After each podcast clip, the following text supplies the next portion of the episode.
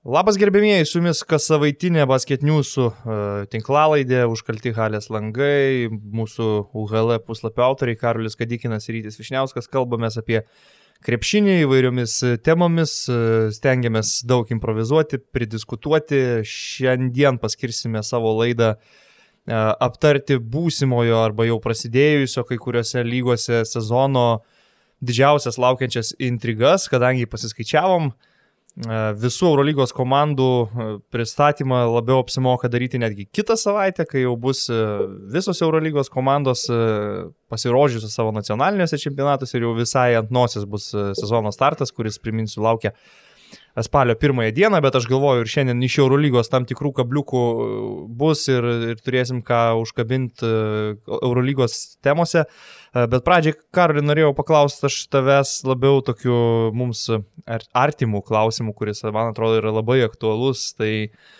artėjant Lietuvos Respublikos Seimo rinkimam, kurio galbūt krepšininko politinė programa tau paliko giliausią įspūdį ir galbūt svarstytum už atiduoti savo balsą vienmandatėje apygardoje. Sveiki visi, e, programų dar nežiūrėjau, turbūt visus labiausiai intriguoja Alitaus Dukijos ir, ir Klaipėdos darbo partijos dvikovos, kuri ir įvyko krepšinio aikštelėje praėjusią. Debatai ant parketo. Ja, labai teisingai.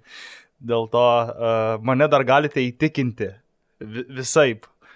Todėl, todėl tie, kas esate suinteresuoti, galite su manimi susisiekti ir bandyti įteikti man savo uh, programos politinės. Bukletėlį galit parodyti. Arturas Jomantas galėtų įteikti Lietuvos arenoje bukletą su savo Neneiksiu, manau, programiniais vyks, punktais.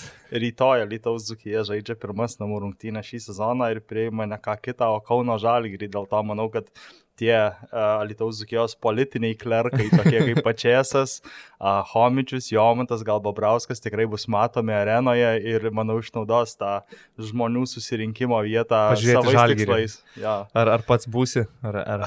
Žiauriai tingiu, tai gal ir tą kažį vakare lošim. Teisingai. Galimai paskutinį kartą šį sezoną. Teisingas tai... pastebėjimas, taip radom savo, savo, savo nišą, susikūrėm savo burbulą vasarą, dabar dar ir rudens pradžioje susirink, susirinkam vis ir mūsų puslapio autoriai, ir mūsų draugai pasižais krepšinio, kas, kas smagu, ypač man su savo mirusiam kojom, bent jau kažkokį tai pajudėjimą aikštelį pajaus po labai labai ilgo tarpo. E, dabar kažkaip man keista, net keistai šiandien jaučiuosi, nes naktį nebuvo NBA, man tokia tuštuma netikėtai susiformavus, nes jau buvau visiškai pripratęs, kad pliekia kas antrą dieną rytai vakarai, rytai vakarai, dabar išėjo naktis be krepšinio, tai truputėlį keista, bet nieko šiandien jau atsigriepsiu.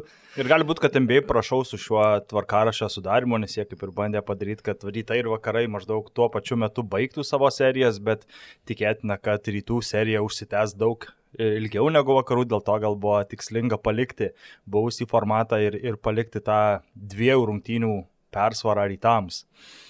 Ok, mes, kaip ir sakiau, šiandien paruošėm kiekvienas nuo savęs uh, asmeniškai savo didžiausių šio sezono intrigų, neapsiribojant vieną lygą, apimant labiau globaliai visą pasaulį, kažkiek NBA bus, kažkiek Eurolygos, kažkiek Lietuvos turbūt, bet prieš tai galbūt uh, apie praėjusio savaitgalio įvykius vis tiek buvo to krepšinio, buvo rungtynių, LKL prasidėjo, ACB čempionate buvo nemažai mačų, pats, ką galbūt iš, iš, iš to pažiūrėjai, kokie įspūdžiai pasiliko, ar iš LKL, galbūt stebėjai rungtynės tas pats Alitus atidarė sezoną su, su Neptūnu. Ja, tik tik Alitus žiūrėjau, bet, bet buvau tam tikroje stadijoje. Ar galima būtų žiūrėti Lietuvos Dukijos rungtynės nebūnant tam tikroje stadijoje? Galbūt taip performuluo, performuluočiau klausimą. Uh, esu tai daręs ir gailėjausi, gal atsakysiu taip. Ok, nu ten Martino Mažieikos buvo herojiškas e, pasirodymas ir jo metimai išplėšė pergalę Lietuvos komandai, kuri sukomplektuota taip. Klaipėdos komandai. E, e, Klaipėdos komandai prieš Lietuvos komandą, kuri taip sukomplektuota kaip išėjo, taip išėjo paskutiniam dienom, bet kažkokį krepšinį žais vis tiek sugebėjo tose rungtynėse, nu daugiau iš LKL turbūt visi labiausiai laukia ryto Juventuso dvikovos, kur uh, pagal pastarųjų metų ypač taurės varžybų naratyvą, tarsi jau libdėsi kažkoks principinis mūšis tarp šitų klubų, bet tose rungtynėse nelabai pamatėm intrigos Vilniečiai su savo legionierių solidžių žaidimų gan užtikrintai nugalėjo. Juventusą dar nepabaigusi komplektacijos, nes jie ieškojo vis dar tuo metu, ko pakeisti Gleną Raisą jaunesnį. Ir truputį traumų išretinta po rungtynių skundėsi Žydrūnas Urbanas ir manau, kad šį sezoną, kaip praėjusį sezoną arba kelis ankstesnius sezonus, Must Watch TV buvo Jasikevičiaus uh, po rungtyniniai interviu, tai manau, kad šį sezoną aš vis dažėsiu Žydrūną Urbaną, nes man patinka, kaip jis atvirai bendrauja ir, ir galbūt uh, galbūt jis nėra geriausias LKL treneris, galbūt nėra net arti, bet man patinka jo bendravimo būdas su žurnalistais ir tai kaip atvirai jis viską pasako, dėl to nu, man tai tikiuosi 36 e, po rungtyninių interviu šį sezoną. Neimponuoja man asmeniškai kartais tie jau labai atviri dis, komentarai apie teisėjų darbą, vos ne kaip teisėjų. Ir šį kartą tai vos ne kaip teisėjų inspektoriaus įvertinimas iš trenerio, kad neblogai šiandien dirbo teisėjai. Ta prasme, ar treneris turi spręsti ir pasakyti, kad bet neblogai, gerai. Nu, bet kiti, kitų trenerių irgi klausė. Jasikevičiaus to paties Eurolygo parungtinių irgi dažnai klausdavo. Jo atsakymai būdavo gan konkretus ir aiškus. Nekomentuosiu arba jeigu norit, sumeskit man eurų baudai ir galbūt pasakysiu, ką galvoju. Buvo ir tokių Jasikevičiaus išvalgų tuo klausimu. O, o na, Židrūnas Urbanas, manau, kad irgi, kad tą savo charizmą prideda pačiai lygai nemažai. Kita vertus, aš šiek tiek ir pasijuokdavau ir kiek žinau, patys žalgyriečiai šiek tiek su šypsena žiūrėdavo, kai jau keletą metų Žydrūnas Urbanas nemažai kalbėdavo tom pačiom šaro frazėm ten apie sistemą ir, ir, ir, ir ten panašius dalykus, kur ne, fiziškumas, fiziškumas, fiziškumas jo, sistema, nu, truputėlį šypsana kelia, aišku, kita vertus. Bet tas procesas buvo visos komandos pasigavę, nes atsimenu, kažkuris Neptūno žaidėjas yra sakęs, kad Neptūnas turi savo sistemą. Nu, jo. ir tai kokią ten sistemą turėsi. Nu, kita vertus, taip, aš suprantu, kad Šaras didžiausias turbūt visų laikų krepšinio influenceris, mes didesnio niekada ir neturėjom žmogus, kuris savo, vat, būtent spaudos konferencijomis apie krepšinį nemažai išmokė ir tos eilinius žiūrovus, kurie iki tol net nelabai galbūt galvodavo žiūrėdami mačą, ką reiškia ta pažanga po bonuso, iki bonuso, tai visų tokių dalykų dabar jau visi moka.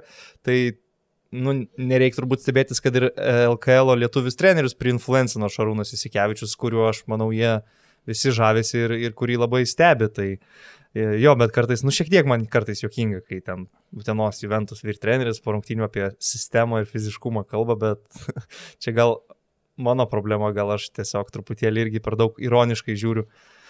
Tai iš LKL daugiau nežinau, ar yra labai tokių vertų dėmesio aktualių. Ryto komandoje, tarkim, e, man patiko Demetrius Jacksonas, šiek tiek mačiau ir prieš Pantnaikos tų iki sezoninių rungtynių, kur ir sužaidė Vilniui tai jaučiasi atvažiavęs toks legionierius su labai didelė motivacija, jis nėra žaidęs Europoje, turi ką įrodyti, manau, kad jis e, suvokia, kad dabar yra tokioje situacijoje, kai tavo karjera gali labai gerai įsisukti ir po gerų metų įmanoma tikėtis rimtų kontraktų. Tai akivaizdžiai jaunas žaidėjas yra super motivuotas. Seniai nemačiau aš tiesą sakant amerikiečio, kuris LKL reguliaraus sezono rungtynėse taip reaguotų emocingai į kiekvieną uh, komandos draugo du su pražanga kiekvieną savo gerą epizodą, tai aš kažkaip galvoju, kad su ta energija ir taip efektingai žaisdamas Jacksonas tikrai bus vienas iš fanų numylėtinių, aš taip manau. Plus Donaldas Kairys netgi taip pasakė, pusiau gal ir juokaudamas, kad tikrai per sezoną bent vienas trigubas dublis bus iš, iš, iš Jacksono, kuris iš tikrųjų renkasi ir kamolius, ir asistai, ir, ir taškus gali rinkti.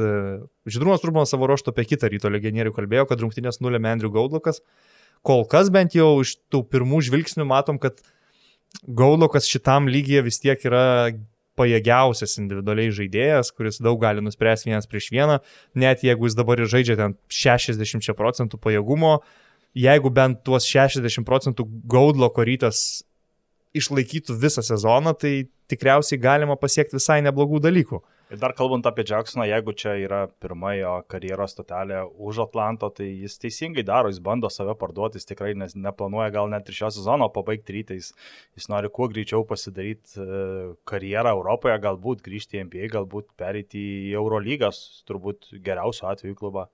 Jo, ir, ir šiaip net ne tai, kad aš sakyčiau, Euro, Europoje pirma karjeros stotelė praktiškai jis dar nėra žaidęs profesionalaus krepšinio. Visi žaidėjai amerikiečiai, kurie yra iš NCA ir kurie truputį pažaidė G lygoje ir sužaidė porą reguliariojo sezono rungtynių su 3 minutėm NBA, tai nu, praktiškai dar nėra žaidę profesionalaus krepšinio. Tai čia iš viso yra milžiniška rizika su tokiais pirkiniais, bet kol kas atrodo, kad rytas pataikė.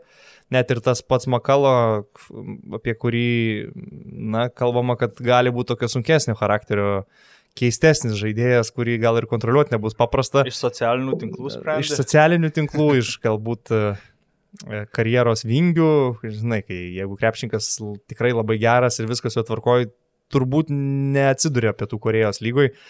Tai jisai, nebūdamas labai geros formos, akivaizdžiai kondicijos geros, vis tiek sugebėjo sužaisti savo apie 20 minučių visai aukštam lygiai ir, nu, manau, kad ryto gerbėjim to, tos pirmos rungtynės turėjo, to optimizmo ir taip jau buvo, e, kai buvo sukomplektuota komanda, paskelbti visi legionieriai, e, bet optimizmo turbūt dar prideda toks solidus startas. Žmonių arenų irgi pagal galimybės, kiek galima įsileisti, turbūt buvo Maksimumas, vos ne maksim, maksimalus skaičius, pakankamai gerą atmosferą sukūrė.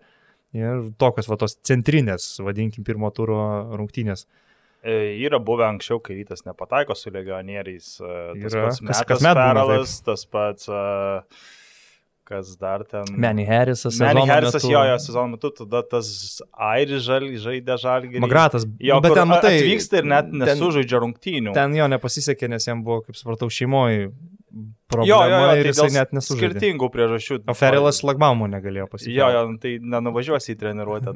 Sunku, nes taip ryto. Prie ryto arenos norint įvažiuoti. Ir aš Lagbaumas, kurio neišvengsi. O ten neprisiparkuosi kažkur. O, tai va. Tai... Tokie reikalai. Uh, jo, okei, okay, iš LKL dar pirmam turė galbūt kažką daug ką nustebino Lietkabelio pralaimėjimas uh, Prienams, aš rungtynių nemačiau, bet atsidarius bokskorą uh, nusijokiau pamatęs, kad Egidijus Dimša dominavo tose rungtynėse prieš Panevežio Lietkabelį.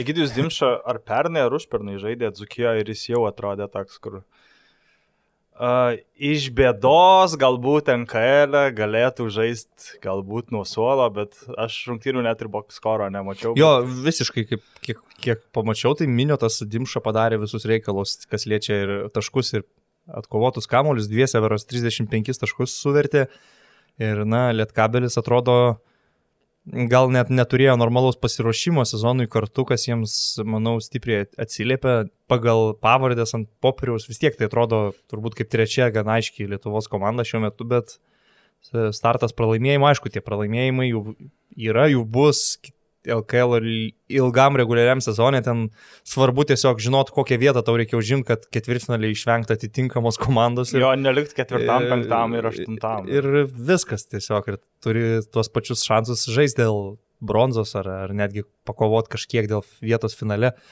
Tai daugiau tik paminėjimui galbūt rezultatai, kad Žalgeris susitvarkė su šiauliais, ten iš tų rungtynių turbūt įdomiausia buvo Antanos Reikos citata apie tai, kad Žalgiriui dar daug reikės dirbti iki gero žaidimo, jo manimu. Sireika, kaip Urbana minėjai, tai irgi yra tas treneris, kuris per visus metus dirbdamas LKL e, gal ne taip dažnai, gal ne kiekvieną kartą, bet vis tiek per sezoną bent dvi, tris skambesnės tokias citatas įdeda, kur jau ir basketinių kolegos gali drąsiai Instagramo remelį tą citatą. Su Cezariu. Įdėti su Cezario, salotom ir ten panašiai, kai ten atsimenu. Uh, Ūteną treniruodamas Kulvietį ir Želionį vadino mūsų durantais, aš juos sako durantais vadinu ir panaš, panašus dalykai. Tai va tok, toks buvo jo pastebėjimas apie žalgerį, su kuo turbūt sutinku būtų nesutikti, nes nu, faktas, kad reikės dar daug dirbti. Žalgeris, kaip ir daug kitų komandų, turėjo ne patį normaliausią pasiruošimą sezonui. Visiems dabar tos sąlygos yra nelengvos ir sunku tikėtis didelės kokybės, aš galvoju dabar tik pačioj pačioj sezono pradžioj, tos kokybės kol kas nėra, tarkim, ir, ir Barcelonui, e, elitiniai komandai, kuri vat, ir ACB pirmenybėse startuoja itin sunkiai gimdydama pergalę prieš Berots Kuklė Burgoso Taip. E, komandą. Tai va, LKL e dar nepaminėtas lieka rezultatas, tai pasvalio nevėžio rungtynės, mhm. kurias laimėjo Kedanį nevėžio krepšininkai, bet čia jau aš visai neturiu ką, ką, ką pridurti nuo savęs. Jo, gal perinam prie pagrindinės podcast'o temos. Nu, nebent jeigu... sakau, galbūt ECB pirmenybėse kažkas tau. Nelabai. Jeigu ne, tai mes... tik NBA. Ok, nu tai kitą kartą kažką vis tiek, kažkiek žinau, mėgėjas, ar ne ECB čempionato. Dėl skirtingų priežasčių jo pastebiu tokias randominės kai kurių komandų rungtynės ir dar ypač šį savaitgalį galbūt ir būčiau žiūrėjęs, bet dalis rungtynių buvo nukelta į pirmadienį, mm. dalis gal net yra atšaukta arba nukelta dar toliau, dėl to... Nepavyko. Jo, yra, yra ten reikalų. Aš šiaip turbūt viena iš tų įdomių lygų ir dėl to, kad ten visada rasi draftų prospektą, kokį nors gana aukš, aukštai paaišomą.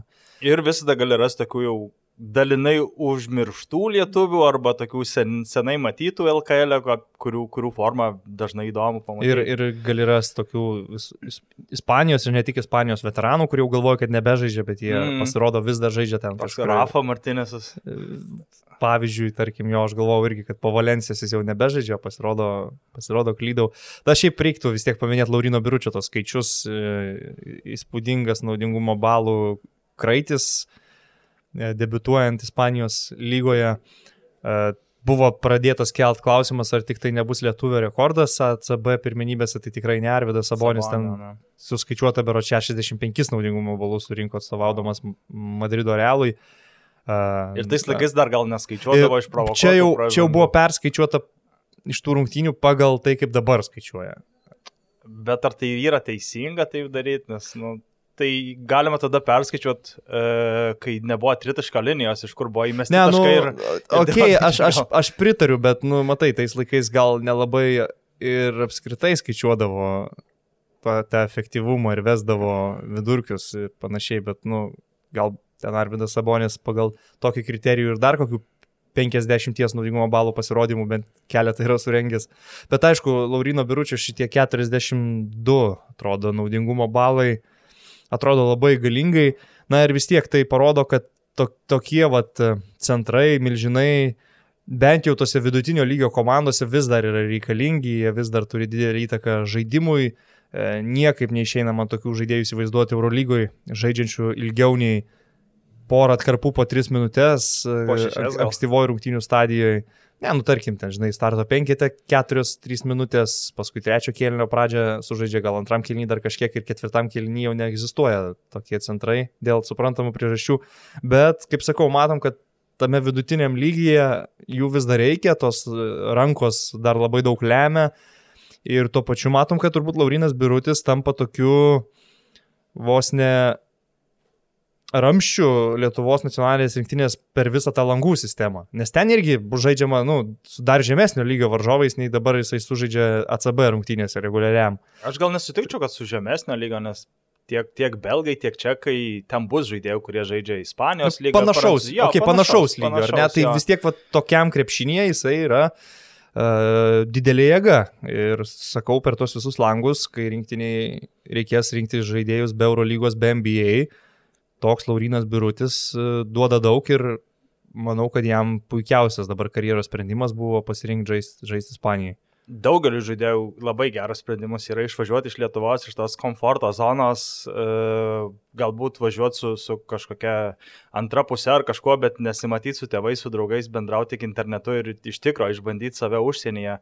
Bet e, apie Lauriną Birutį gal labai daug pasakys antros jo rungtynės, nes pirmos rungtynės varžovai, aš net nežinau, su kuo jie žaidžia, irgi, irgi su kažkokiais gal vidutiniokais. Mhm. Tai gali būti, kad visiškai nežinojo apie jį, va čia kažkoks naujokas atvažiavęs, sužaidęs porą rungtynių rungtynių Eurolygoje. Šovė tokį netikėtumo faktorių. Jo, jo, ir antros rungtynėse, kaip varžovai būsimi pamatys prieš, prie, ką jis išdarinėjo pirmam turė, man atrodo, labai gerai pasimatys visi jo, jo pliusai ir minusai. Nu, geriausiai, aišku, pasimatys jau viso ilgoji sezono distancijai.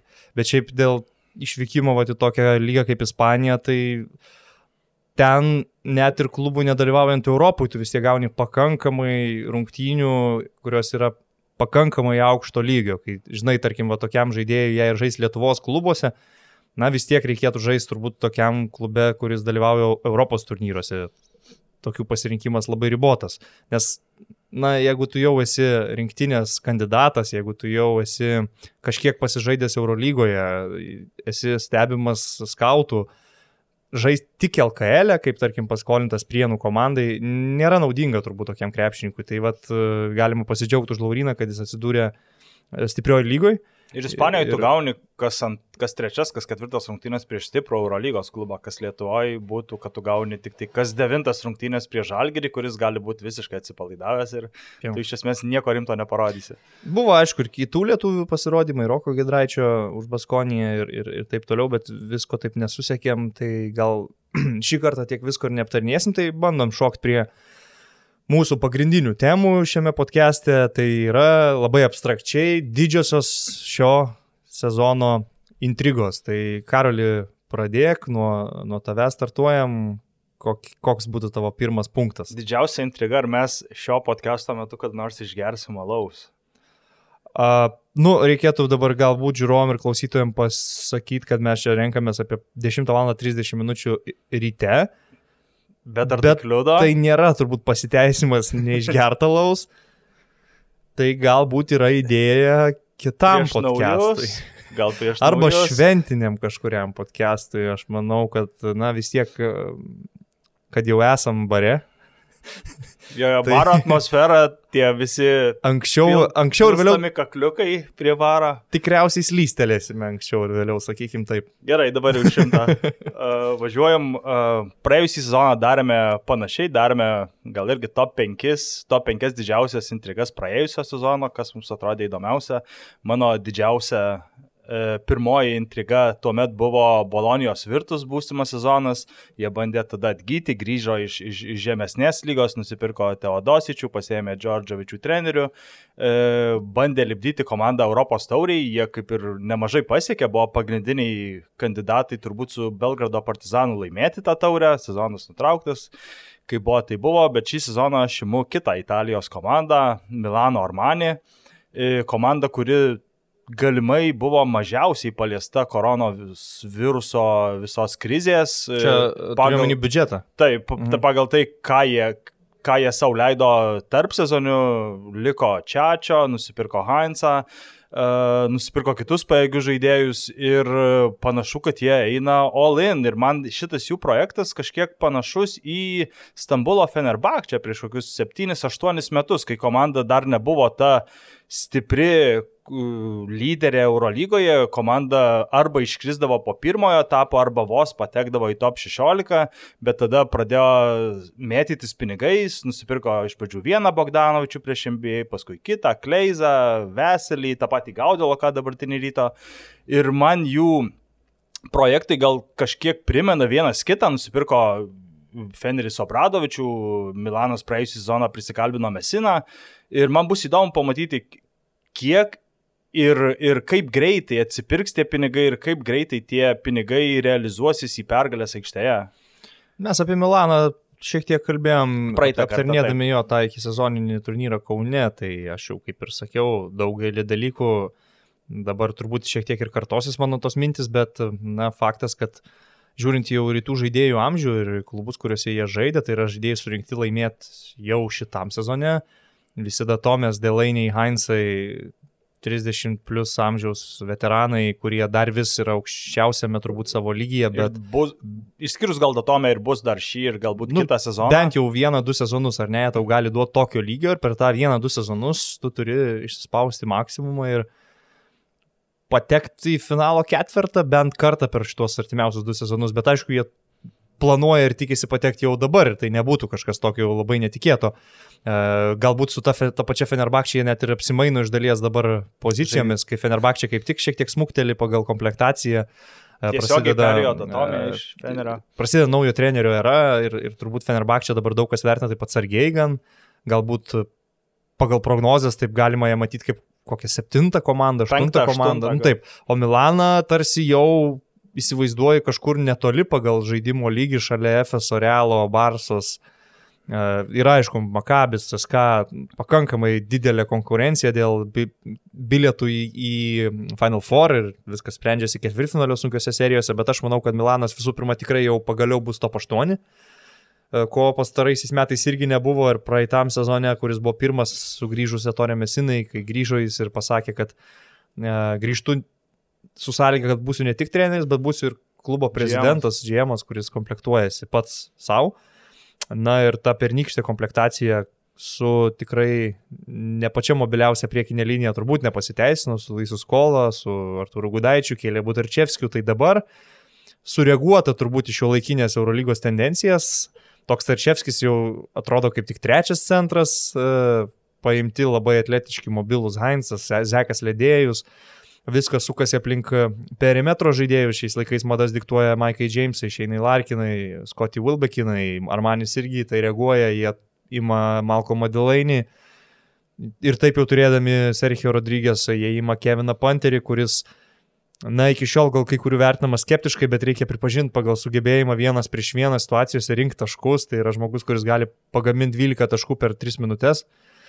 Tai yra grinai tokie pirkiniai, kurie, manau, labai atnaujina Milaną pagal šio laikinį krepšinį, nes pernykštė jų komanda man vis dar buvo tokia Etorė Mesinos galbūt 2005 stiliaus komanda. Tai tikrai didelė intriga dėl jų, ką jie gali pasiekti šitam sezone. Lūkesčiai, aš manau, patys didžiausi ir, ir tuo pačiu, aišku, su tuo ateina ir atitinkamas spaudimas.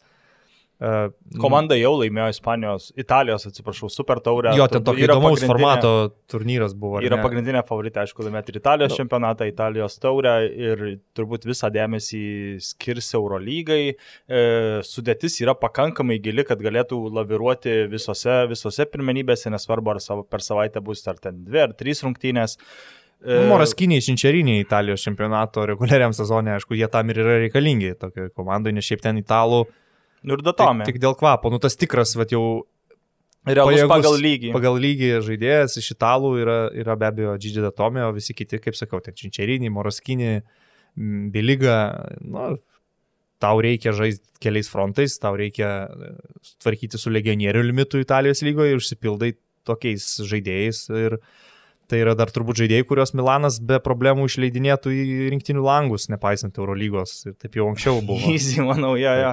Gal net ir yra kažkoks susitarimas ir aš galvoju, kad Milanui patekimas į finalo ketvirtą, kad ir kaip jau ten būtų sužaistos tos likusios dvi rungtynės, būtų laimėjimas, žinant, kokia kokios sudėtys yra pas visas kitas komandas, koks yra įdirbis pas tokias kaip, kaip CSK ar tarkim ar, ar Realą, Barça vis tiek tokia yra labiau nauja komanda. E, aš galvoju, kad patikimas į finalą ketvirtą būtų, būtų laimėjimas ir to tikslo bus siekiama ir turbūt svarbiausia bus einama ant namų aikštės pranašumo ketvirtfinalyje. Mhm. Gerai, tai tokiu atveju mano pirma intriga, e, kuri tiesiogiai tikrai liečia ir Milano klubą, ir visus kitus Eurolygos klubus, tai vėl mes apie tai šiek tiek kalbėjome Minaraut rubrikoje, bet dabar po išėjusios Andrėjus Vatutino citatos norisi e, pajudinti dar kartą tą klausimą. Andrėjus Vatutinas pasakė, taip sakyčiau labai kategoriškai, kad jeigu Eurolyga ir šito sezono nesugebėtų užbaigti, tai gal, gali būti apskritai visos Eurolygos egzistavimo pabaiga. E, Eurolyga meta tikrai didelę atsakomybę klubams tvarkyti su visais protokolais, kaip turi vykti varžybos. 29 e, puslapių ten išėjo toks protokolas, kur surašyta viskas, kuo turi klubas pasirūpinti prieš rungtynes, e, kaip vyksta visi tie žaidėjų ir personalo testavimai. Uh, Tai man vis tiek išlieka ta didžiausia sezono intriga, ar jį, tikrai įmanoma tokį normalų namą išvyką ir sužaisti visą nuo pradžių iki pabaigos.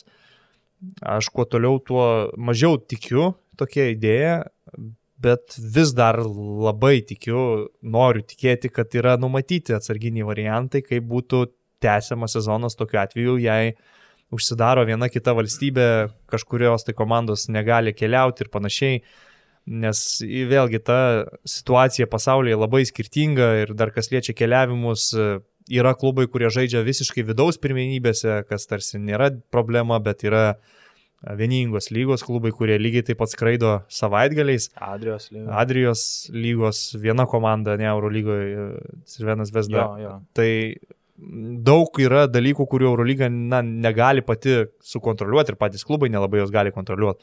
Tai man išlieka vis dar ta pati, pati, pati didžiausia šio sezono intriga, ar tas sezonas, kuris prasidės spalio pirmąją, toks ir bus normalus, ten žiūrovai eis, žiūrovus leis, neleis, čia kitas klausimas, bet ar, ar, ar pačios rungtynės gali įvykti pagal kalendorių. Šiaip yra numatyta, kad vieną mačą bus galima perkelinę tris kartus.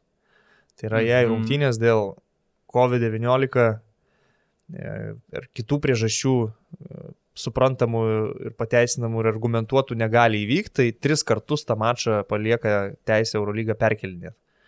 Ir čia, aišku, nekalbant apie tai, kad bus išrasta vakcina ir... ir nu, čia ir juo labiau, juo labiau Eurolyga nekontroliuoja tokių dalykų. Jo, aš išgirdęs, kad šį savaitgalį Ispa, Ispanijos net trys mačai nukelti dėl, dėl COVID, kažkaip irgi man buvo toks reality čekas, kas iš tikrųjų vyksta ir, ir kai sužinau, kad turbūt LKL e ir galbūt kitose vietinėse pirmenybėse žaidėjai nėra testuojami prieš kiekvieną turą, jeigu jie testuojami tik tai prasidėjus sezonui.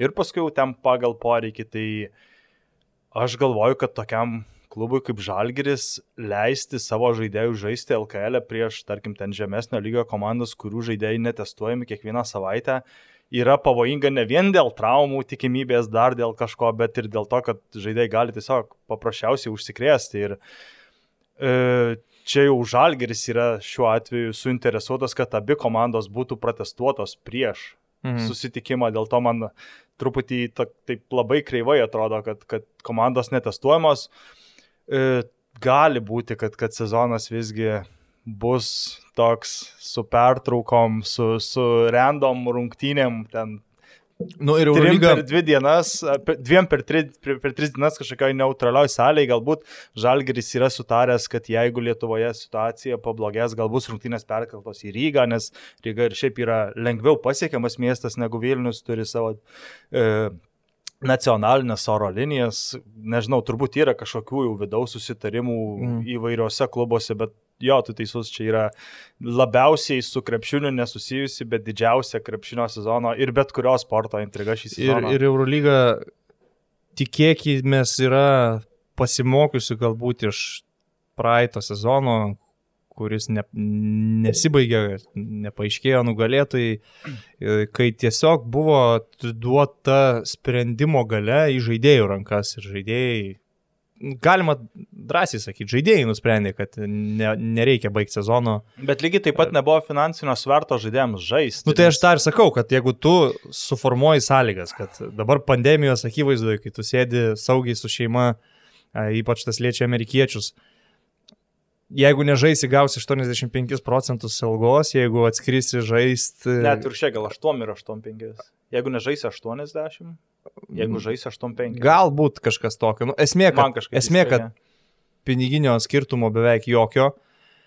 Tai natūralu, kad vis, žaidėjai pakankamai vienbalsiai visi pasakė, kad per daug yra rizikinga ir ne, mes neskrisim, nežaisim. Uh, O tarkim, bandyti žaisti be amerikiečių, tai nu tavo tas produktas lieka toks nulinis visiškai. Tai čia labiau panašu būtų į kitą savaitę vyksinti FIBA čempionų lygos praėjusio sezono užbaigimą, nors šiandien prasideda kito sezono kvalifikacija į čempionų lygą ir tos komandos, kurios pateko į tą finalo, finalo aštuonetą žais jau naujų sudėčių, jos nieko bendro mhm. neturės su praėjusio sezono sudėtimis išskyrus, aišku, tuos žaidėjus, kurie liko, pavyzdžiui, yra tada tokių komandų kaip Pajakas, kurios pasirašo Tairysą Raisą dviem savaitėms, kad tik sužaistų tą turnyrą ir, nu, irgi tokia iškreiptų veidrodžių karalystė gaunasi. Aš, aišku, asmeniškai ir tą savo poziciją rašiau nemažai mūsų puslapyje, stoviu beveik visada žaidėjų pusėje. Ir aš visada manau, kad žaidėjai kuria šitą produktą ir jie yra pagrindiniai veikėjai ir svarbiausia, kad jiems būtų gerai ir kai nusprendė Eurolygos krepšininkai, kad e, per daug rizikinga grįžti į aikštelę ir bandyti tęsti sezoną, tai visiškai buvau už jų poziciją ir jeigu tai kartotųsi ir dar kartą būčiau už žaidėjus, bet Eurolyga, aš manau, iš to pasimokysi bandys, bandytų truputėlį kitaip e, reguliuoti visą šitą reikalą ir, e, sakau, ta Vatutino citata, na, rodo, kad turbūt tie klubai, kurie gauna dabar didelį atsakomybę rūpintis e, rungtinių protokolais, jei šiame sezone vėl nepaaiškėtų nugalėtojas, na, gali reaguoti labai jautriai, nors tarsi tie klubai patys ir yra Eurolyga, tai klubai priima sprendimus, jie balsuoja ir daugumos balsas lemia konkrečius pokyčius lygos viduje, tų visų e, klubų su licenzijomis. E, tai va, tai tokia intriga, kuri nu, visiems, manau, yra labai labai aktuali. Dar reikėtų pažymėti, kad Eurolyga nėra numačiusi tokių dalykų, kaip, tarkim, kas bus, jei užsikrečia trys ar keturi žaidėjai iš, iš, iš komandos. Man atrodo, yra teigiamais testais. Jeigu sudėtėjai yra aštuoni žaidėjai, tai privalo žaisti. Jo, jeigu sudėtėjai yra aštuoni žaidėjai, nu, bet tarkim futbole pavyzdys UEFA, kad jeigu du žaidėjai prieš artėjant rungtynėms turi teigiamą testą. Ir čia jau iš, ne iš 12, o iš 20. Du žaidėjai, jau visa ta komanda nebegali vykti žaisti Europinių rungtynių su savo varžovais ir jie gali atsiųsti, tarkim, savo dublerius, kurie treniruojasi atskirai nuo pagrindinės komandos, neturėjo kontakto ir visi protestuoti yra su neigiamais testais. Tai Eurolygoje nėra kaip ir numatyta, kad jeigu du arba trys užsikrėtė iš komandos, e, ta komanda negali sužaisti rungtynių. Jie tik numatė, vat, kaip tu sakai, tiek aštuonių krepšininkų tą taisyklę, bet, na, aš taip žiūriu taip, kad jeigu vienam klube atsiranda trys, keturi teigiami testai, tai praktiškai tas klubas jau yra koronaviruso žydinys. Nu, bet taip viskas atrodo komplikuota, kad aš manau kiekvieną dieną ir, ir Eurolygos kabinetuose suka galva, kaip dar tobulinti ir gerinti savo tą e, sistemą, reglamentą prieš pat sezono startą. Tai tada vėl žodis tau ir, ir tavo dar viena sezono intriga. Jo, gal judam visas šitas žinias prisiklausot kasdien per panoramą, nu, tikrai. Turbūt, kad taip. Visiems jau įgrisusios tos, tos uh, koronos koronos naujienos. Bet kaip tai... bebūtų aktualios, tai jo, sunku jo, jo. nuo jų pasislėpti ir, ir, ir apie jas nekalbėti. Tai mano sekanti sezono intriga, kaip seksis Lietuvos klubams Europoje. Šis sezonas Europos, Europos turnyros Lietuvos klubams iš esmės prasideda šiandien. Neptūnas žaidžia Čempionų lygos kvalifikaciją. Akivaizdu, kad tokiam klubui kaip Neptūnas šiandien yra akivaizdžiai svarbiausios sezono rungtynėms, jiems, jiems patekimas į finalinį FIBA čempionų lygos grupių etapą tikrai atneštų ir turbūt ir rėmėjų, ir lėšų, ir, ir papildomų rungtynių žaidėjams pasirodyti prieš, prieš užsienio klubus, pridėtų gal, ket, man atrodo, 14 papildomų rungtynių šį sezoną, tai tikrai čia yra komandos tiklas, tada galim kalbėti apie žalgerį, praėjusį sezoną žalgeris nesužaidė gal kokių 7-8 rungtynių. Tai vis tiek tas e, sezon, daugiausiai sužaistų rungtynių sezonas vis dar lieka užpraeitas, kai buvo sužaistos 34 rungtynės, tikimės, kaip ką tik ir kalbėjom, kad šį sezoną bus sužaistos 38 rungtynės. E, kitą savaitę, kaip jau minėjom, kalbėsim apie, apie visas komandas Eurolygos, Žalgero tikslas vėl bus patekti į top 8, e, kovoti visose rungtynėse, tiesiog pateikti gerą produktą žiūrovams. Ryto tikslas, rytos gal net nesakė dar tikslo, pats e, treneris Kairys sakė, kad laimėti visas rungtynės, ypač prie žalgerį. Tai... Taip, bet ar Žalgiris sakė tikslą top 8? Aš niekada, nu, aš, aš, aš niekada, ne, aš niekada aš nesu girdėjęs, tikslas, jo, niekada nesu girdėjęs iš Paulius Matijūno, kad toks jau būtų tikslas. Man atrodo, kad jie labiau brėžiasi liniją pergalių skaičiaus, kurį jie norėtų surinkti tam, kad e, jų biudžetai įkristų planuojama, bet tai irgi, norima. Bet irgi, jo, jie gal yra pasiskaičiavę, koks maždaug galėtų būti tas minimalus pergalių skaičius, kad, taip. kad galima Na, būtų generuoti biudžetą, bet, nu, aš taip spėju, kad jų tikslas. Aš, nu, aš nemanau, kad yra iškeltas ten prie stalo sėdus tikslas patekti to paštuonis. Ne, manau, tai, kad, tai, tai nereiškia, kad jeigu nepateks į to paštuonis. Nu, tai, tai ambicijos čia... be abejo yra, bet, nu, ambicijos ir iškelti tikslai, man atrodo, šiek tiek skirtingos savokos. Tiesa. Iškeltas tiesa. tikslas tai jau kažkas, ką tu deklaravai, ten Lietuvos rinktinėje skrenda į Eurobasketą turit patekti į ten penket, penketuką ir kvalifikuotis į, į olimpinės, į olimpinės na, kaip būdavo, ar ne? Tai čia jau yra iškeltas tikslas, o ambicijos tai niekada nėra Lietuvos rinktinės žaidėjų ambicijos, kad patekom į ketvirtfinalį, tikslas jau pasiektas ir dabar mes ramus. Tai nu faktas, kad žalgerio žaidėjai visi ir turbūt naujas jaunas treneris turi tų ambicijų, bet, e, nu, sakau, man įsivaizduoju ir kažkada ir yra sakęs prieš vieną sezoną ar, ar po sezono jau Paulius Motyvūnas, kad buvo tikslas nusibrieštas iškovoti tiek ir tiek pergalių, nes finansiškai tai tokia, tokia ir tokia eilutė pagal skaičius ir su Šaru Žalgris tą smarkiai viršijo ir išėjo tuo metu, aišku, dar didesnis pelnas nei buvo e, planuojama ir tikimasi. Bet Žalgris tuo pačiu yra labiausiai nukenčianti komanda, kai negali parduoti visų mhm. bilietų, mhm. įsileisti visų žiūrovų į areną, užpildyti arenos, nes jie tiesiogiai nuo arenos generuoja pajamas ir dabar uždėti visi tie ribojimai. Ir net nepavyksta dabar pasiekti to maksimalaus skaičiaus pagal tai, kiek jau galėtų įeiti į areną. Matėm tą iki sezoninį turnyrą Kaune, rungtynėse su Šiauliais irgi buvo labai mažai žmonių, tik šiek tiek virš tūkstančio. Tai Žalgeris jautriausiai reaguoja ir į visą šitą reikalą, nes jie operuoja savo, savo areną.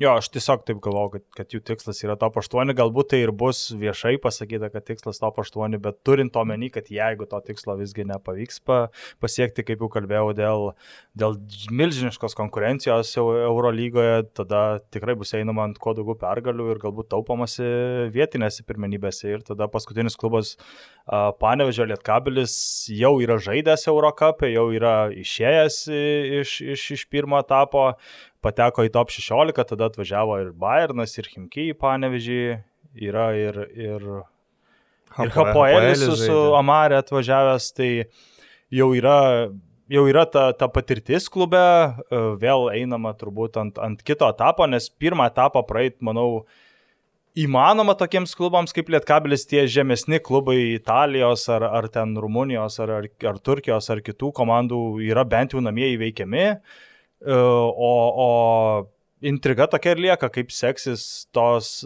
toms Lietuvos komandoms viduryje savaitę žaidžiantas Europinės rungtynės.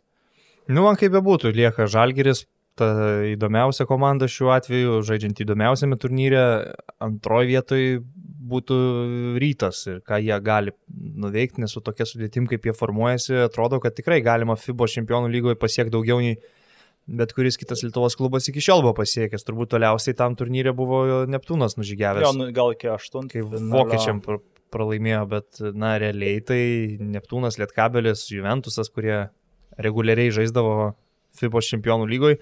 Net ir pasvalys gal. Per, per daug nieko tokio nepademonstruodavo pagal pasiektus rezultatus ir pagal žaidimo kokybę. Jo, dažnai... Dabar, tarkim, Lietkabelis Neptūnas man nuoširdžiai mažiau atrodo įdomus, nepaisant to, kad Lietkabelis žais Eurocapė, aš stipriai abejoju jų galimybėmis ten šokti aukščiau bambos.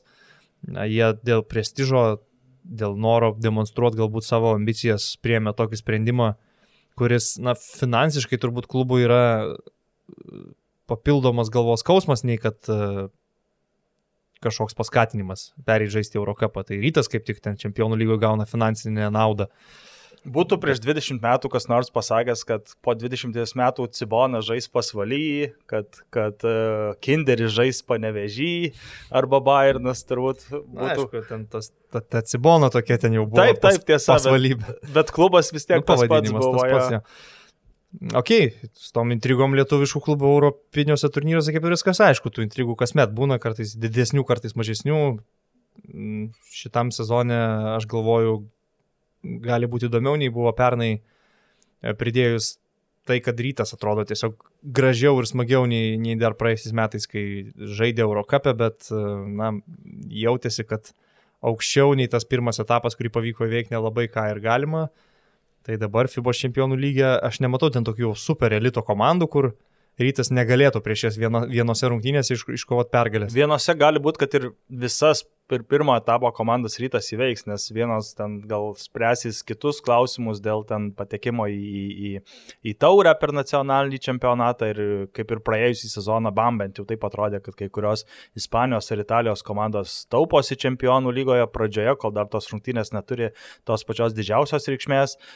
Bet rytui aš lubas nubrėžčiau FIBA čempionų lygoje ties ketvirtfinaliu. Man atrodo, kad ten bet kuriuo atveju, kad ir kaip tu žaidėjai iki tos, iki tos vietos turnyre, man atrodo, kad ten jau gausi tikrai rimtą varžovą ir galbūt jeigu turėsi aikštės pranašumą, galbūt ten gali kažką bandyti, bet ten tikrai bus labai stipri komanda, nesvarbu ar ten prancūzai bus arba, arba ispanai. Ispanai pernai iš vis turėjo Tenerife ir Saragosa čempionų lygoje, tas pats ir šį sezoną, ir, ir abu klubai prieš nutraukiant e, turnyrą, prieš pradedant vėl jį iš naujo, birželį buvo trečia ir ketvirta vieta Ispanijoje ir buvo aplošę ir Barsą, ir Realą, lenkę Baskoniją, Valenciją, Eurolygos komandas, tai tie klubai tikrai bus rimti ketvirtfinalėje, tai man atrodo, nu, čia yra ryto lubos. Aš tai lubų nebrėšiu apskritai, nes viskas priklauso nuo to, koks bus tas rytas. Ir, ir, ir... Čia man atrodo geriausiu atveju, kaip, net ir visiems legionieriams liekant iki sezono galo. Nu, aš su tokiu scenariumi iš vis nebrėšiu lubų, aš manau, kad tų lubų nėra, tai ne tas turnyras, kur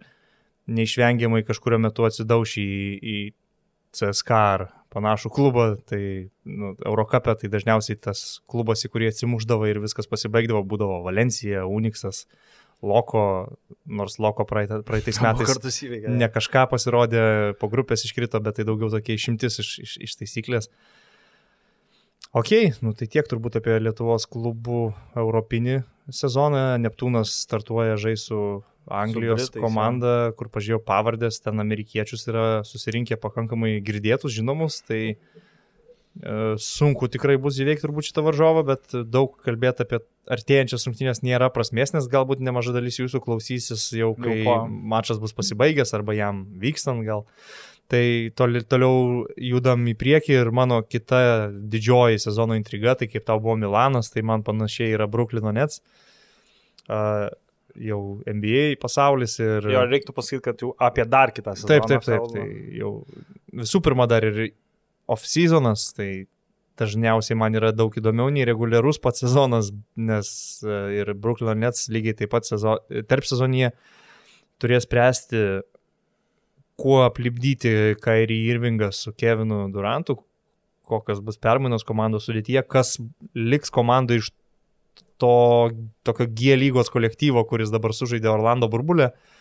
Bet esmė, kad dabar jau bus tas tikrasis Brooklyn Nets projekto sezonas, kai jau žais ir KD po Hilo traumos ir Kairi Irvingas, jeigu bus sveikas, e, turi žaisti normalų sezoną ir tuo pačiu debituojantis naujas treneris Steve'as Nešas, e, apie jo talentus kaip žaidėją, e, visi puikiai žinom, kaip treneris patirties kol kas neturi, bet man atrodo šitoje vietoje, jeigu pats ten Kevinas Durantas pasakė, kad jam palaimino, taip, tad sakykime, šitą sprendimą, Steve'as Nešas ateina į tokią komandą su Durantu ir Irvingu turbūt nekurti labai sunkios sistemos su daug taktikų ir, ir panašiai, o labiau atlikti tą tokį man managementą, kai tau reikės tiesiog suvaldyti žaidėjus, jų ego, uh, skirti jiem atitinkamą rolę komandoje, išaiškinti tiem roliniam žaidėjim, kuo jie gali būti naudingi ir, ir valdyti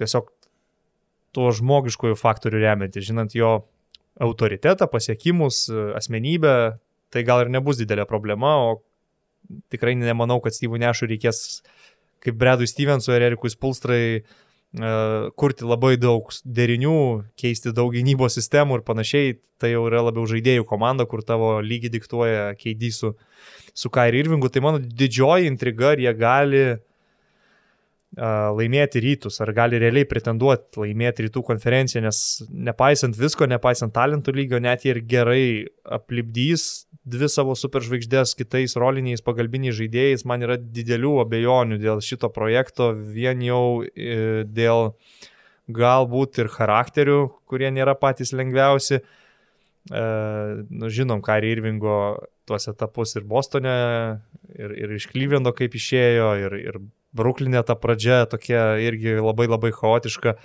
E, Kevinas Durantas, aš manau, kad yra stipriai motivuotas e, įrodyti visiems, kurie nevertina jo žiedų iškovotų Golden State, kad dabar jau jis gali atvesti į titulą komandą, į kurią atėjo ir jis tampa, tų, nu, ne į čempionišką komandą atėjęs, o į praktiškai rytų konferencijos vieną outsiderių ir pakelti juos iki čempionų, tai jis turėtų būti labai motivuotas, bet žinant, kokios sunkumo yra Hilo sausgislės trauma, yra ta abejonė, ar KD vis dar bus toks pat geras. Aš nebejoju, kad tokio talento žaidėjas vis dar bus pajėgus daryti daug taškų, bet ar jis sugebės grįžti tą savo elitinį lygį, man yra abejonė. Tai man didelė intriga, kiek gali Bruklinas ir koks, tarkim, rezultatas būtų traktuojamas jau va šitam pirmam sezonė kaip visiškas fiasko, kad net gal pradėtų kalbėti apie tai, kad Steve'o Nešo pirmi metai Bruklinė būtų ir paskutiniai. E, Didysis klausimas ir bus Kevino Duranto forma atsigavus po traumos. E, Ar jis vis dar bus tas žaidėjas galintis bet kurią naktį Lietuvos laiko, bet, bet kuriuose rungtynėse šert po, po 28, po 32 taškus ir, ir, ir mest game winnerius ir valdyti rungtynės vienas. Iš esmės būti geriausių žaidėjų aikštėje bet kuriuo metu. E, jis pats yra sakęs prieš, prieš savo sprendimą persikelti į Brukliną, kaip jam patinka Kairi. Kairi yra vienas geriausių driblingo meistrų lygoje, vienas, vienas geriausių žaidėjų.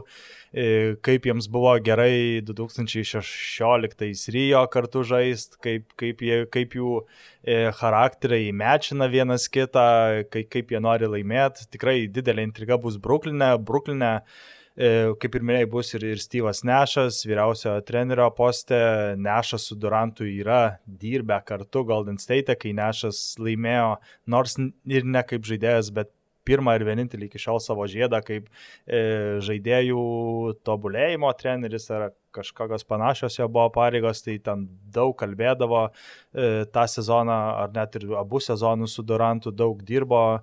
Kartu dėl to akivaizdu, kad vienas kitą žaidėjai gerai žino, e, Durantas žino, kas ateina pas jį į klubą.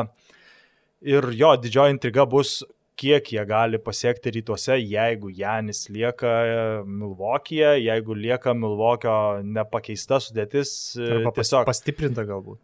E, klausimas, kur jie gali pastiprinti nu, ir, ir, tai ir kaip. Tiek tą klausimą jie jo. dabar išsprendžia, manau jeigu Milvokis lieka toks pats kaip šį sezoną, aš nelabai matau, kaip Bruklinas galėtų reguliariam sezonė plošti, playoffuose visko būna, bet, bet reguliariam sezonė Milvokis vėl galbūt bus pirmas, Janis galbūt vėl pasiims tą bereikšmį MVP apdovanojimą, lygiai taip, kaip, kaip vyko praėjusią savaitę. E, bet e, jeigu ne, galbūt Janis, jeigu persikelia į vakarus, galbūt į kažkuria kitą komandą, rytai būtų tokie atviri patekti bent jau į konferencijos finalą, nes jeigu tu turi savo sudėtyje Kyrie, Durantą ir ten Karis Lavertą, Deandre Jordaną po krepšiu, tai tu gali pretenduoti gerai sukritus sąlygoms net iki konferencijos finalo. Nu, tai rytų konferencija ir dabar netradicinėmis sąlygomis, be abejo, žaidžiant be namų aikštelės, bet burbulė na, visiškai atvira konferencija, kur finale susitinka dabar Miami's ir Bostonas. Mm, tos pirmos dvi reguliariojo sezono rytų komandos jau pasitraukusios, Milvokis ir Torontas, taip kad e, rytų konferencija yra įveikiama. E, ir ne, man tai netiek svarbu, ar ten Bruklinas liktų reguliariam trečias rytuose, antras ar, ar net ketvirtas. Esmė, kad tokia komanda turi rodyti savo tikrą žaidimą playoffuose. Ir dar įdomus man Dreimondo Grino buvo pastebėjimas, jis dabar, kadangi nežaidžia, dirba televizijoje, analitikų ir e, kiek jo paklausau, vienas atrodo įdomiausiai kalbančių tarp visų barklių ir, ir šakų.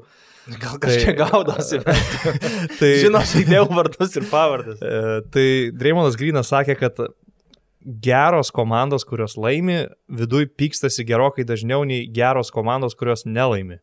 Tai visi tie atrodytų sunkus charakteriai ir asmenybės ir turbūt jie dar pridės gal tokių e, veteranų su ambicijom nors ir kartais veda prie konfliktų, bet greičiausiai, kad tie konfliktai kyla iš labai didelio noro pasiekti pergalių ir užkariauti pasaulį. Tai gal nebūtinai yra blogai. Na, apie Keviną Durantą yra įvairių nuomonių. Ten vieni vertina labai kontroversiškai kaip žmogų, kuris kūrė feikinės Twitterio anketas, e, atsak, atsakinėti heiteriams. E, Warriors GM sako, kad tai vienas labiausiai nesuprastų žmonių visoje lygoje, kad tai yra nuostabus e, sportininkas. Bet aš, aš žaviuosi konkrečiai jo krepšinio savybėmis, ten charakteris, charakterių nebūna, mes rūbiniai nebendravom tai žaidėjais, daug ko nežinom. Tai kažkaip tikiu, kad tai nebus didelė problema. Problema jiems gali būti jų varžovai, ką turi minėjai, Milvokis, jeigu dar kažkokiu būdu sugebės įpašyti elitinį žaidėją šalia Janio, nežinau kokiu būdu, ne man čia spręst, bet kai jau iškrito jie iš E, burbulo iškart buvo susitikimas Janio su komandos va, e, GM-u. Nors jis ten jau fauna visus komandos žaidėjus. Bet jis jau anksčiau yra taip daręs off-seasono metu. Gali būti, gali būti. Tai būt. nėra jo nauja praktika, čia kažkokia jo poliso forma, galbūt nuo krepšinio noras atitrūkti visiškai dabar per tas trumpas atostogas. Uh, E, tai va, tai ta Bruklino intriga, aš galvoju, e, tikrai labai įdomi ir, ir viena labiausiai laukiamų komandų kitą sezoną. Nesakau, kad aš, aš ją palaikyti planuoju, tikrai ne, bet intriguoja kaip jie gali atrodyti ir ką jie gali pasiekti. Kaip tu minėjai, jo laiminčios komandos ėdasi tarpusavį labai daug, galima grįžti į Golden State 2017-2018 sezoną, kai buvo e, repeatintas e, čempiono žiedas ir Davidas Westas, baigdamas karjerą po tų paskutinio finalo rungtynių, e, pasakė, kad kad jūs žinotumėt, kas čia vyko sezono metu ir, ir galbūt tos visos buvusios naujienos kažkada išlys, galbūt su, su, suguls į, į knygos puslapius. Arba podcast'e kokiam atvirai pradės kažkas kalbėti, nes šiais laikais dažniausiai turbūt MBA žaidėjai išneša tokių intrigų į, į podcastus įvairius, kuriuose mėgsta dalyvauti. Ten Dreimondo charakteris gal ne visada sutapo su, su Duranto ir, ir kaip jie ten kovojo dėl, dėl įtakos komandoje ir, ir visoje organizacijoje. Judam toliau dar. Judam. Uh, tai mano paskutinė intriga galbūt kažkiek kartojasi jau su, su apkalbėta Milano e, situacija.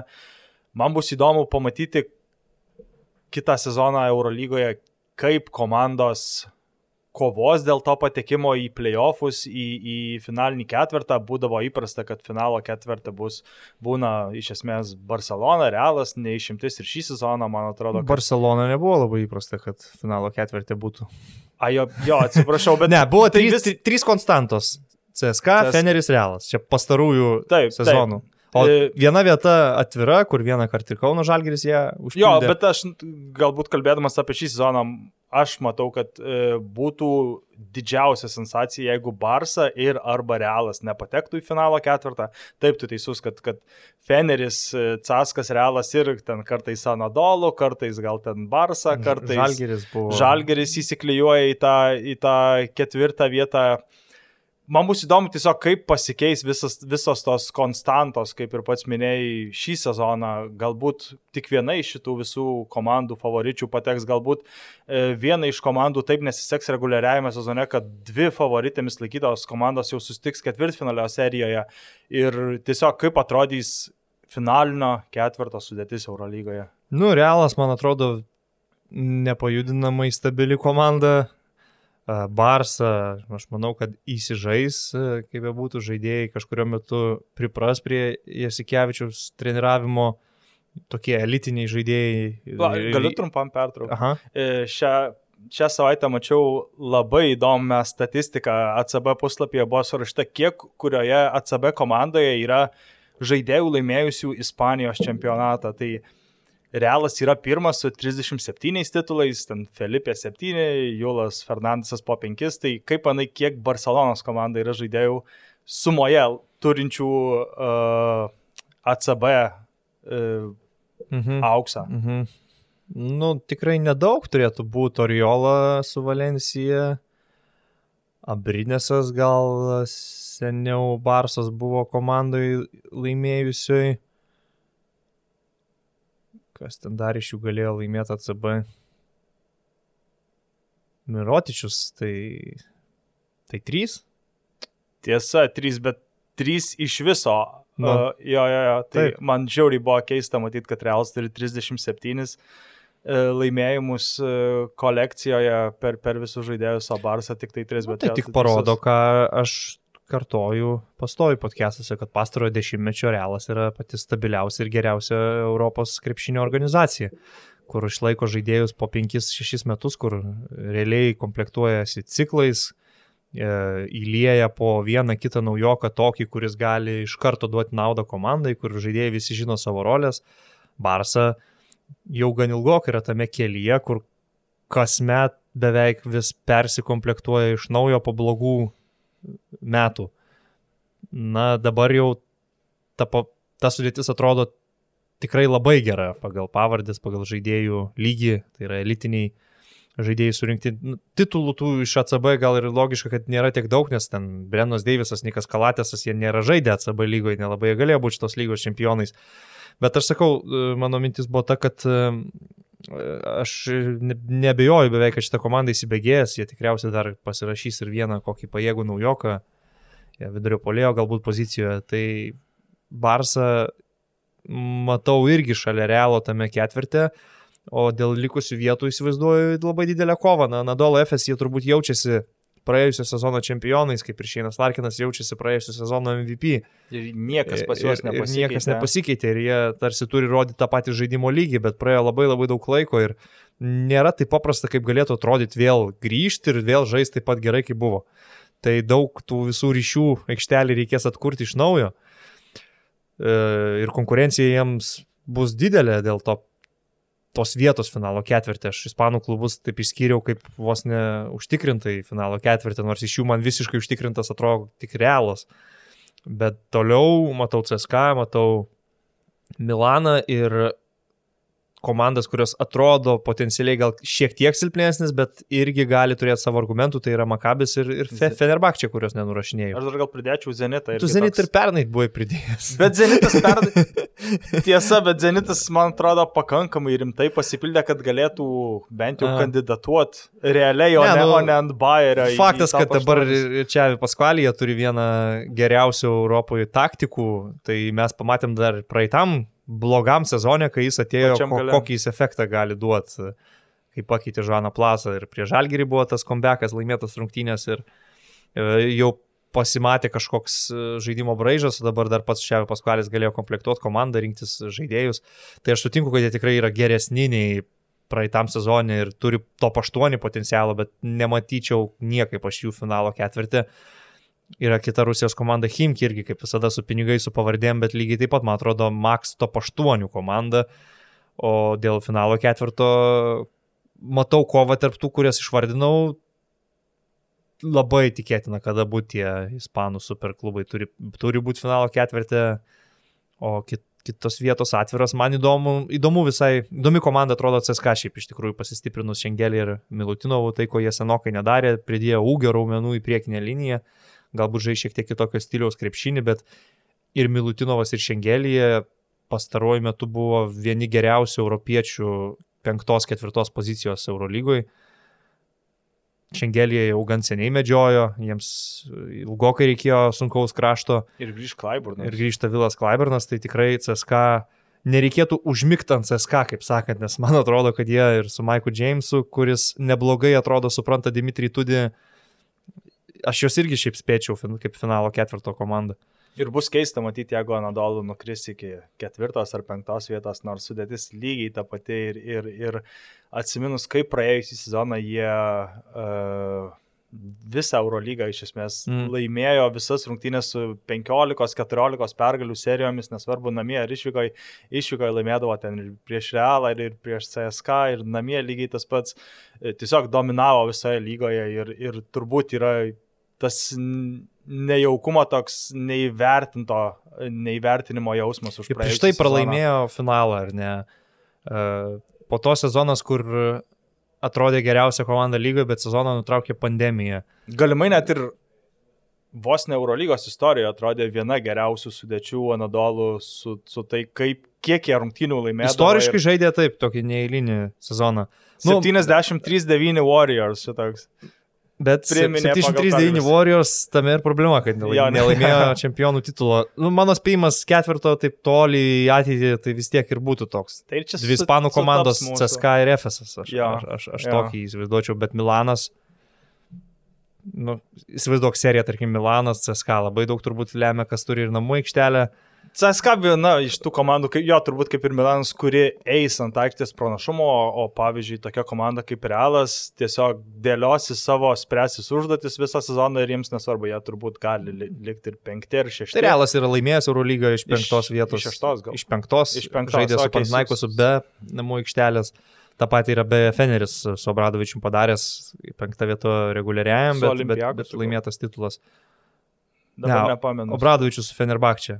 Jo, jo, bet ką o, jie įvykė ketvirtfinaliai? Ta pati pat Naikos, 3-0 okay. be namų aikštelės. Tiek turbūt penkios didžiausios sezono intrigos mūsų asmeninės su Karoliu, jūs gal turit savųjų, tai būtinai uh, pasidalinkit komentaruose, parašykit, ką galvojat, ko labai laukiat šitame sezone. Aš tai vis dar, aišku, gyvenu NBA playoffų dabartiniam nuotaikom, manau, tu irgi. Jo, bet... tik skirtumas, kad aš rytais žiūriu, nu, ne iš spoilino. Naktim vis... žiūriu pakankamai dar karštas turbūt ir tas Anthony Daviso metimas, e, Lakerių iškovota pergalė, Nuggets vėl sugebėjimas grįžti rungtynės e, nuo trečio kėlinio vidurio, įspūdingai atrodo būtent šita jų komandos savybė, bet kol kas serijoje yra 2-0 Lakers naudai. Rytų serija man vis dėlto žiūris įdomiau ir kaip tik rytų serijos rungtynės laukia šią naktį. Ne, šią naktį Lakeriai, ar ne? A, jie turi išsilyginti dabar taip su žaistom rungtynėm, taip, sorry, sorry, sorry, taip, Lakeriai su Nuggetsais ir vėl. Tai, na, Nagetsai artėja prie savo rezultato 1-3. reikia, reikia dabar imti tą vieną pergalę pagaliau. Na, bet kuriu atveju, šį kartą jau gal atskirai ten neaptarnėsim tų playoffinių rungtynių, nes nemažai laiko ir taip uh, prikalbėjom. Kitą savaitę jau tikrai, tikrai anonsuoju visas dėmesys Eurolygos komandoms, visas 18 po kauliuką pa, panagrinėsim, kaip jos atrodo, kaip susikomplektavo ir ko galima laukti. Aš šiam kartu tiek.